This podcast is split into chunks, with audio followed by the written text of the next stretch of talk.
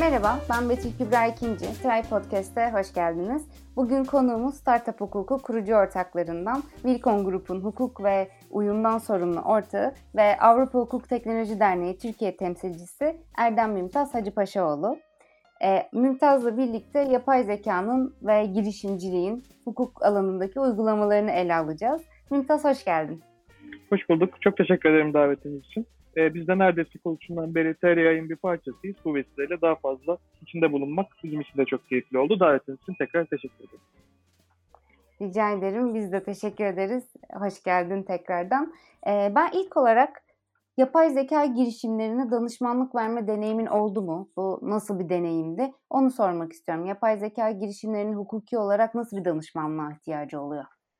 Tabii oldu. Hem startup hukuk tarafında, danışman tarafında yer aldım. Hem de biliyorsun Wilcom bir yapay zeka şirketi zaten. O yüzden hayatımın büyük bir kısmı da kendi hukuki sorunlarımızı çözmek ya da olası hukuki sorunların gerçekleşmemesi için bunları önlem almaya çalışarak geçiyor. Ee, öncelikle şeyi söylemek istiyorum. Ee, temel yaklaşımda bir yapay zeka girişimi ya da herhangi bir şeyin girişimi olursanız olur. Çözmeniz gereken pek çok hukuki konu var zaten. Ee, öncelikle bunlara bir zemin hazırlamanız gerekiyor. Çok klasik işte ortaklığınıza dair konuları çözmeniz, işte şirketleşme yapısı, üçüncü partilerle imzalayacağınız sözleşmeler, yerel ve uluslararası regülasyonlar. E, iş yapay zeka tarafına geldiğinde de ne yazık ki tahmin edersin e, bizde yapay zeka düzenleyen bir regülasyon şu an yok. Dünyada da çok kısıtlı bu alandaki e, regülasyon çalışmaları. Çünkü hukukta şöyle bir yaklaşım vardır ne yazık ki. Teknoloji biraz ileriden gider. Bir takım hukuki sorunlar ortaya doğurur. E, biz de sonrasında bunları çözmek için kodifikasyon dediğimiz kanunlaşma çalışmalarını bir noktada yapmaya çalışırız. E, yapay zeka bu noktada kendi itibariyle tam istenilen noktaya evrilmemesi ve bu anlamda bir hukuki sorun çıkartmaması itibariyle e, böyle bir regülasyon söz konusu değil. Haliyle biz de e, çok kaba taslakla ilkel bir yaklaşımla bütün yapay zeka çabalarını bilgisayar programı olarak değerlendirmek durumunda kalıyoruz. Ve sorunlarını herhangi bir yazılım şirketinin çözmeye çalıştığı gibi çözmeye çalışıyoruz tabii ki şey ihtimalleri var. E, iş tam otonom noktaya gittiğinde, kişinin e, konuya dahil ortadan kalktığında e, bizi bambaşka bir sorumluluk rejimi bekleyecek. Ama malum şu an o noktadan biraz uzağız yapay zeka anlamında. Ee, ben de aslında sana yapay zeka uygulamalarının hukuki bir karşılığı var mı diye soracaktım. Bu konudaki çalışmalar hakkında takip ettiğin gelişmeler var mı? Hani böyle çok bir regülasyon henüz yok ama bu konuda gelişmeler, çalışmalar var mı? Tabii bir sürü çalışma grubu var. Çünkü e, hukukçular olarak bizim gerçekten çok zorlanacağımız bir şeylerde bu. İster istemez e, teknolojiden bir teknik insan kadar anlayamıyoruz. Haliyle yaratabileceği problemleri çözmekte de çoğu zaman eksik kalabiliyoruz. Bu yüzden daha geniş çalışma grupları oluşturuyoruz işin tekniğini de anlayan insanlarla ve farklı disiplinlerden gelen hukukçularla. Böylelikle e, bunların yaratabileceği sorunları tespit etmek için çabalar gerçekleştiriyoruz. Çok güzel inisiyatifler de var dünyada e, benim de temsilciliğini edindiğim European Legal Tech Association yani Avrupa Hukuk Teknolojileri Derneği'nde bu alanda e, bir birimi var. Sıklıkla bunları tartışıyoruz. Hatta biz e, kendi işe alım süreçlerimizde bile e, mülakat sorularından biri olarak bu soruyu soruyoruz. Çünkü şu an net bir cevabı olmadığı için e, bir kişinin hukuk nosyonunu anlayabilme konusunda da bize çok avantaj sağlıyor.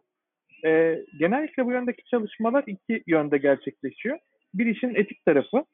Çünkü bir noktada hukukçulardan böyle bir beklenti var. E, yaratıcı hukuki sonuca yönelik e, biz bu kararı vermek istemiyoruz diyor yazılımcılar. E, hatta şey de görmüşsündür MIT'nin bir çalışması vardı. Çok klasik e, bu ara, arabayla çarpılacak kişinin e, denkleminde kimin ölmesi gerektiğine dair bir e, etik test yapmışlardı. Bu tip şeyler etrafında biz e, AI ethics diyebileceğimiz özetle bir alan söz konusu. Bir de ikinci tarafta bunun sorumluluk rejimi ne olacak tartışmaları sürüyor. Çünkü işin potansiyel bir ceza hukuku boyutu var. E, potansiyel bir özel hukuk yani tam teknik karşılığı borçlar hukuku ama genel izleyici kitlesi bakımından özel hukuk tarafı var. E, gene o klasik örneğimizde işte araba çarptı, otonom bir araç, birini öldürdü.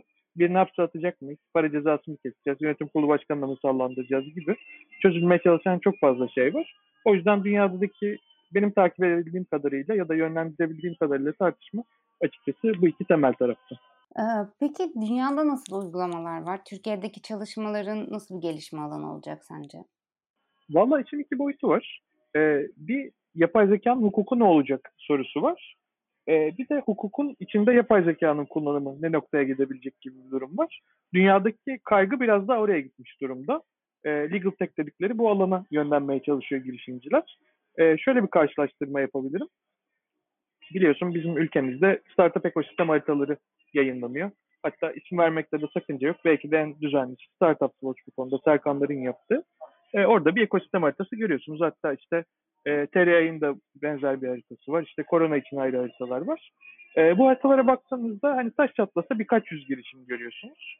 Ama e, Amerika'da sırf Legal Tech haritasına baktığınızda bizim ekosistemde bulabileceğimiz her tür haritadan daha geniş olduğunu göreceksiniz. Benim gördüğüm Türkiye'de en genişi fintech ekosistem haritası. Onda bile hani 500 girişim yok ki çok da geniş almışlar bütün paydaşları. E, iş gerçekten globalde bu noktada çok ilerlemiş durumda. Çünkü hukuk çoğu sektörden çok ilkel kaldı. E, ve ister istemez bu yaratıcı yıkıma, işte disruption'ı şu an çevirmek için muhtemelen en yakın onu buldular. E, bu yaratıcı yıkıma katkı sağlayabilecek çok altıl bir alan olarak karşılaşıyor. Ve her aşaması çok manuel. Yani görseniz e, bir avukatın yaptığı işlerin çoğu çok basit bir makine öğrenmesi algoritmasıyla neredeyse üçte birine düşürülebilecek konumda. E, tabii ki çok böyle e, işin teknik tarafa gittiği, çok fazla detay düşünülmesi gereken şeyler de olabiliyor. E, ama yaptığımız çok evrek işi, e, çok niteliksiz işler de var. O yüzden e, bir grup girişim insanları bunu şu şöyle şeyle çözmeye çalışıyor. İşte biz bir takım otomasyonlar oluşturalım. E, içinde çok ciddi bir yapay zeka iddiası olmasın ama çok temel bir makine öğrenmesi algoritmasıyla e, daha önce avukatın yapmaya çalıştığı ya da hukukçunun yapmaya çalıştığı şeyleri anlamaya çalışan ve onun hayatını hızlandırmaya çalışan bir takım süreçler. E, bu yönde çalışılıyor. Ama için daha şeye gidenler de var. Generik AI dedikleri. E, işte belli bir alanda biz bir e, hukuk yapay zekası üretelim. Artık avukatlara ihtiyaç olmasın. Biz sorularımızı sorabilelim noktasına getirenler de var. E, ikisi de çok ilerledi açıkçası. E, yakın zamanda şey gördük mesela. Yakın zaman dediğim neredeyse 3 sene oldu bu arada. E, bir tane hukuk teknolojisi girişimi e, İngiltere'de bir hukuk bürosunu satın aldı ve 232 yıllık bir hukuk bürosuydu bu. Aşağı yukarı 500'den fazla avukatın çalıştığı için de. E, aldıkları sabah şirketi feshettiklerini duyurdular. Bütün avukatları içeriden gönderdiler. Ortaklar da dahil olmak üzere. E, dediler ki biz sadece sizin doküman arşiviniz için satın aldık. Baktığınızda e, çok hızlı ölçeklenebilen ve modelleri yok edebilen bir yere vardı konu. Öbür tarafta da IBM'in bir çalışması vardı herkes tarafından bilinen. ROS ismi. Büyük bir ihtimalle Swiss dizisindeki Microsoft'tan aldığını düşünüyoruz adını. E, onlar resmi olarak açıklanmasa da. E, farklı hukuk dallarına dair çalıştırabileceğiniz tırnak içinde yapay zekalı bir avukat e, size davalara göre görüş verebiliyor. İşin aslında gittiği iki nokta var. Tabii altında e, bir sürü kırılımları var. İşte dava analizi yapanlar var. Yargı kararını tahmin etmeye çalışanlar var. E, dosya içerisinde bir şeyleri bulmaya çalışan ya da bir şeyleri riskleri tespit etmeye çalışanlar var. Gibi gibi gibi gibi aslında kırılıyor aslında. Aslında senin de söylediklerinden şöyle bir şey çıkardım. Ee, önce teknoloji geliyor sonra hukuk geliyor. O zaman e, önce biraz daha teknolojilerin gelişmesi gerekiyor ve yapay zeka teknolojileri de hukuk uygulamalarını bu şekilde değiştirecek gibi gözüküyor. Ama nasıl değiştirecek? Hukuk eğitimini nasıl değiştirecek? Eee, nasıl bir dönüşüm sağlıyor yapay zeka teknolojileri hukuk alanında, hukuk literatüründe? Valla e, aslında çok ciddi bir yıkım bekleyen taraftayım ben. Ama bir yandan da Türkiye gerçeklerinin farkındayım. E, öncelikle kötü Türkiye tablosu çizeyim o konuda hukuk sektöründe. Bizde e, hukuk teknolojisi dediğinizde elle tutabildiğiniz bir şey neredeyse yok. Yani çok primitif aşamada girişimler var. Ya da yaptığı çözüm çok güzel olsa da arkada çok ciddi teknoloji kullanmayan girişimler var. O yüzden hani saymaya çalıştığınızda biz geçen denedik 20 tane elle tutulabilir e, teknoloji girişimi bulamıyoruz tarafında. E, bu bizim için bir noktada utanç kaynağı. Çünkü e, devletin getirdiği sistem de buna çok müsait değil. UYAP diye bizim bir arayüzümüz var. Teorik olarak bütün davalarımızı oradan görebilmemiz gerekiyor. Teorik olarak bütün işlemlerimizi hiç adliye gitmeden orada yapabilmemiz gerekiyor. Ama biz için dava tarafında değiliz e, mümkün olduğunca e, uyuşmazlıklara da katılmamaya çalışıyoruz hatta. Çok nadir işte e, işimiz düşüyor. Birkaç şeyde UYAP'tan iş yapmaya çalıştım. Gerçekten şaka gibi. Yani sistem olmasa hayat daha kolay olabilir. Çünkü bir sürü şey UYAP'tan yapmaya çalışıyorsunuz ama gidip gene e, her şeyi print edip icra dosyasına koyduğunuz bir düzen var. O yüzden ilk bu kötü tabloyu çizmek isterim. E, bunu çizdiğimde aslında fırsatlar da kendi içinde gözükmeye başlıyor. E, çünkü yargılama aşamasından tutun işte ofis içindeki işlere, müvekkillerle olan iletişimlere kadar e, her şeyde değişebilecek pek çok şey var. E, bu noktada ben gidişatın çok iyi olduğunu e, gözlemliyorum. O yüzden de mümkün olduğunca legal tech ekosisteminde bulunan girişimlerle e, paydaşlıklar oluşturmaya çalışıyorum. E, içeride çok fazla Türk girişimci olmayınca yönlenebilecekleri yerleri bulmakta da çok zorlanabiliyorlar. E, o yüzden çok da doğru yola gidebilecek insanların bir noktada yönlendirilmesi gerektiğini düşünüyorum. Sözün özü nereye gidiyor diye sormuştum. E, bence şuraya gidiyor. E, bizim şu an otomatize edebileceğimiz şeylerin otomatize edilmesinin önünde taş çatlası birkaç senelik bir zaman kaldı. E, bizim zaman içinde o çok temel iş gücüne ihtiyacımız kalmayacak.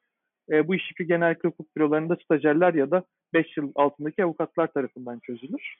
E, çünkü gerçekten yapılacak çok fazla e, nitelik gerektirmeyen işler var. Sayfalarca doküman okuyup risk hesaplamaya çalışıyorsunuz ama bu gerçekten otomatize edilir. Hatta kaliteli bir kontrol F kullanıcısı çoğu şeyi çözebilir noktasına geliyor. O yüzden e, genel bir istihdam zorlanması geliyor sektöre bana sorarsan.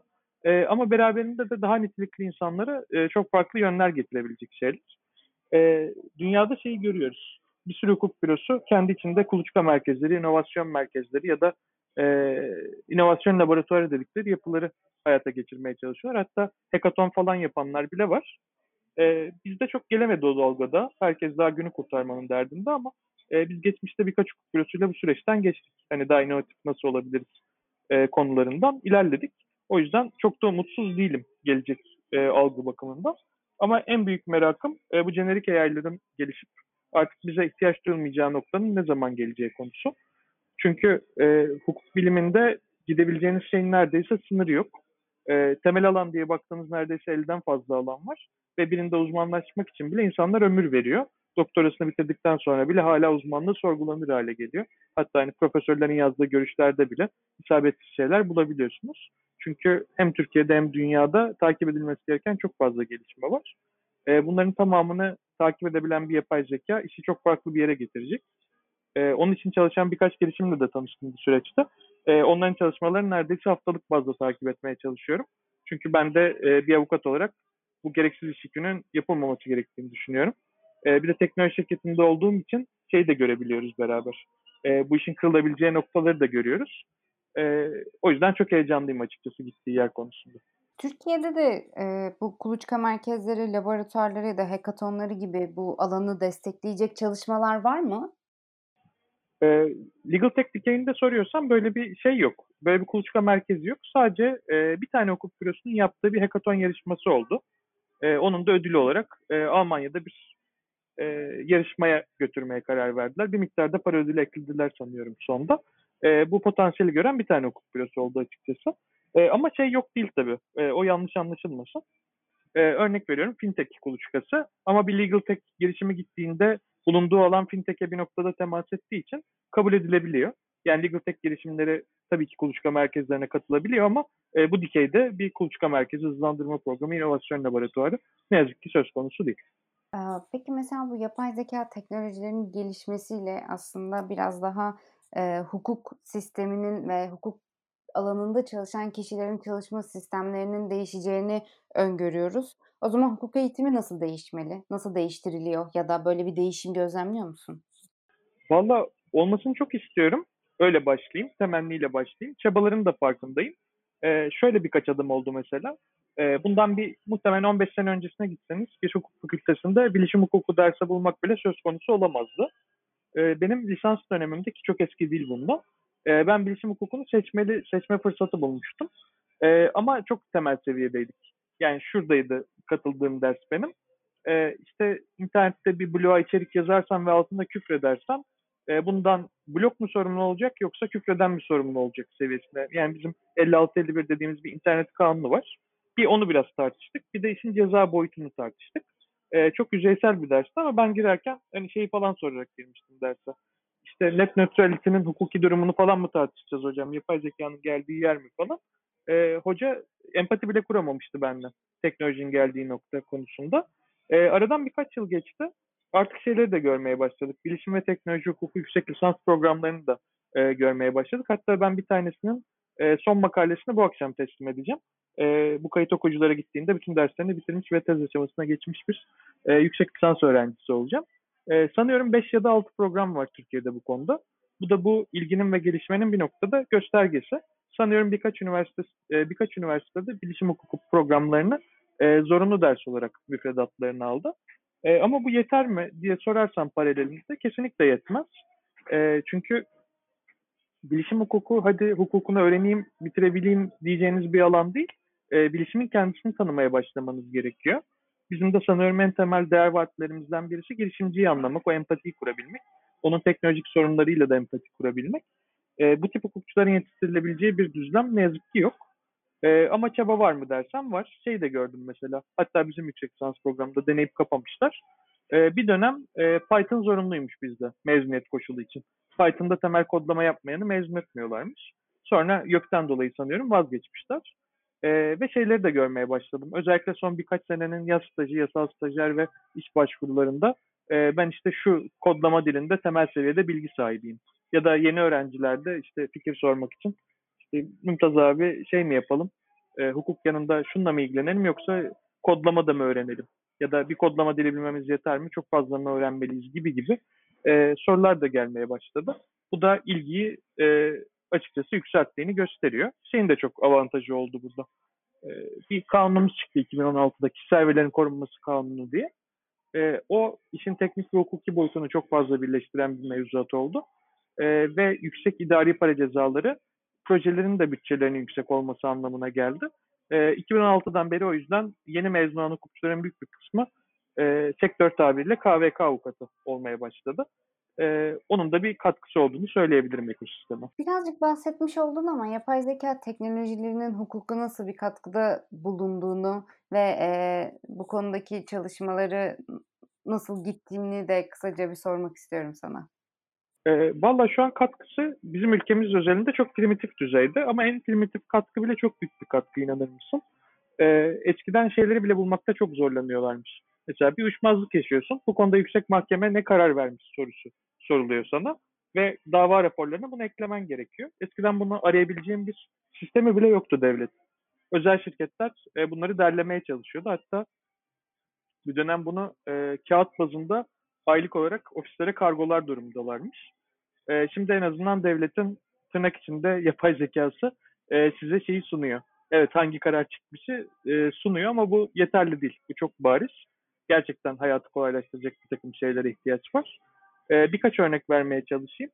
E, bu tarz soruları birkaç dikeyde cevaplamaya çalışan bir startup var. Adalet adım adı. E, onlar gördüğüm kadarıyla bir aşamaya gelmişler. E, Jetlexa var mesela. Onlar da sözleşme otomasyonu üzerine çalışıyorlar. En son gördüğümde 8 farklı sözleşmeyi avukat ihtiyacı olmadan otomatize edebileceğiniz bir noktaya gelmişlerdi. Şeyler var. Avukatların en büyük dertlerinden biri icra dosyalarını ve dava dosyalarını takip edebilme. O dikeyde sanıyorum 20'ye yakın girişim var. E, bazıları da hiç girişim gibi değil açıkçası. Çok eski e, yazılım ofisi gibi çalışıyor. Hatta CD ile satan bile var hala. E, o yüzden o alanda farklı gelişmeler var Türkiye'de. E, dünyadaki algıya da bakarsanız e, enteresan birkaç şey oldu yakın zamanda. Justin Kan Twitch'in kurucularından e, yakın zamanda bir şey oluşturdu. Bir girişim oluşturdu. E, yaptıkları şey aslında e, bilişim hukuku alanında startuplara danışmanlık vermekte. Yani startup hukuku yapmakta. Çok yüksekte bir yatırım aldılar. Çok hızlı da ölçeklediler modeli. E, bir buçuk ay kadar önce bu iş olmuyor. Ben yatırımcılara parayı geri veriyorum diyerek modeli kapamaya karar verdik ki biz ölçeklendiğini çok iyi görüyorduk. E, o da benim yakın zamanda en çok şaşırdığım gelişmelerden biri oldu. Hatta şey noktasına geldim, yani bir mail mi atsam acaba ne olduğu da görsek noktasına geldim. O yüzden ümit vadeden modellerin denenmesi açısından da e, pazar çok elverişli. E, ve hala tekrar ederek söylüyorum bu alanda yapılabilecek bence çok şey var.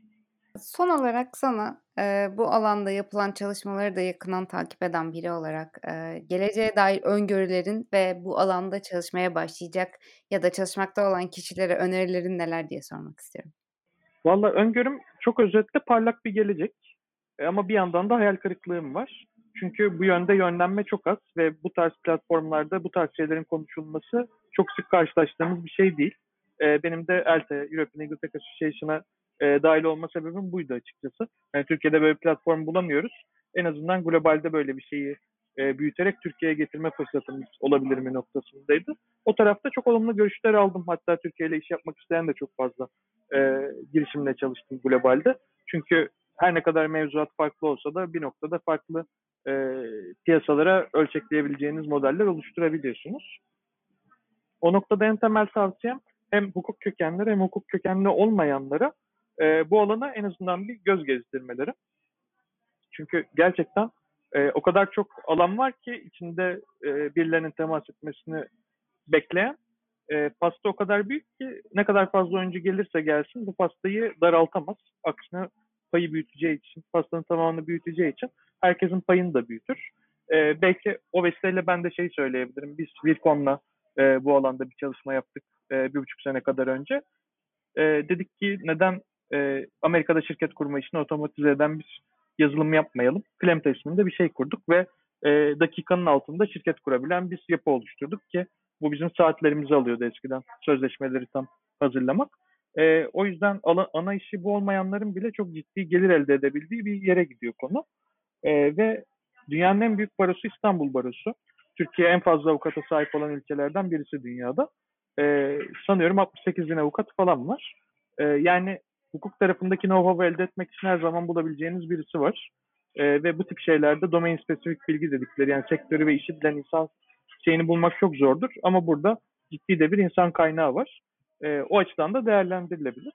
Genel bir tavsiye olarak da e, hukukçular ne yazık ki çok günü kurtarmaya yönelik bir şeyler yapmaya çalışıyor. Daha fazla dava alayım, daha fazla icra dosyam olsun, şirket danışmanlığım daha olsun.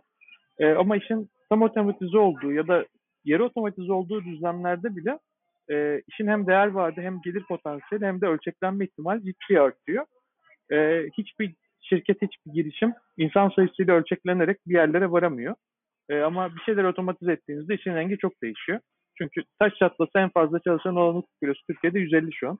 Dünyada da baksanız e, tek merkezde 5000'i geçmiyorlar. Ve bu model kesinlikle ölçeklenemez bir model. Ama bakıyorsunuz 100 kişilik bir yapay zeka girişimi zaten e, çok farklı bir yere getiriyor dünyayı.